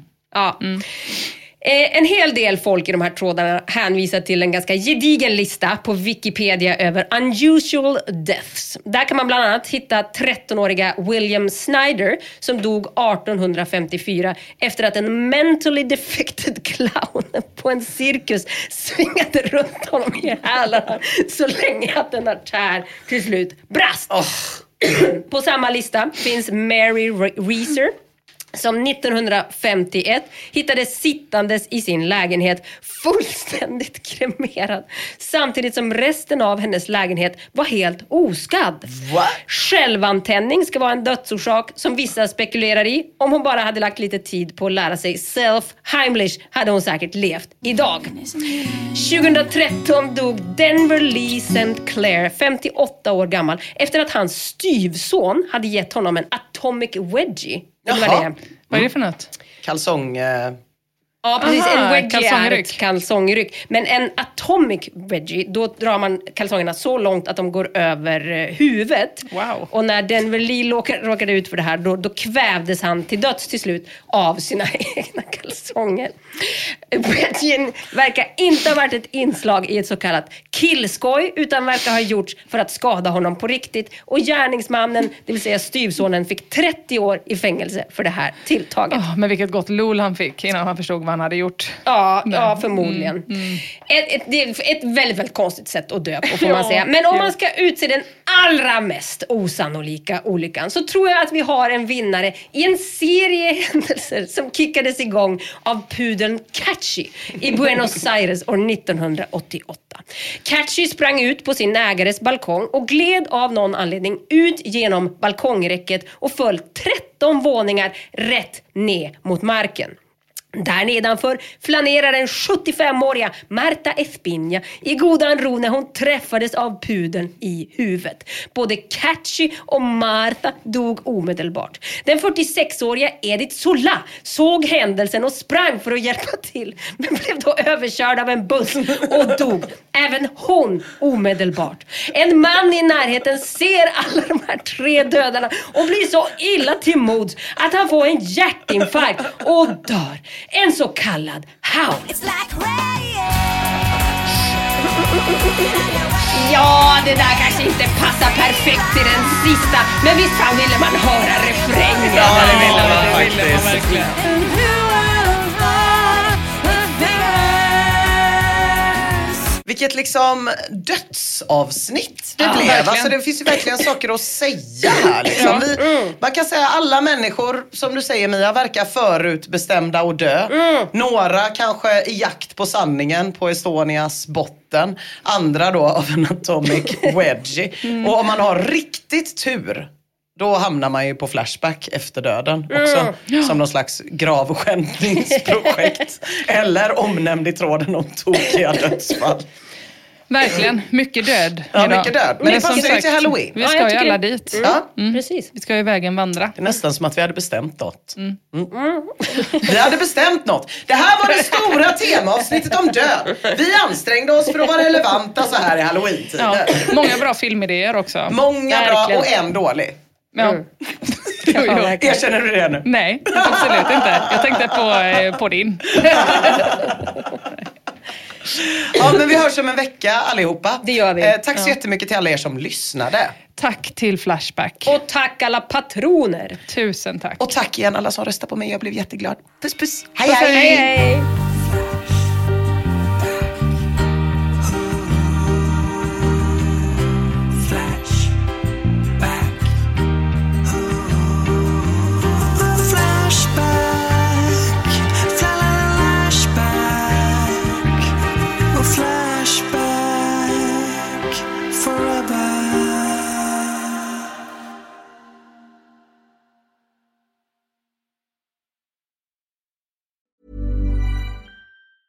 Even when we're on a budget, we still deserve nice things. Quince is a place to scoop up stunning high-end goods for 50 to 80% less than similar brands. They have buttery soft cashmere sweaters starting at $50, luxurious Italian leather bags, and so much more.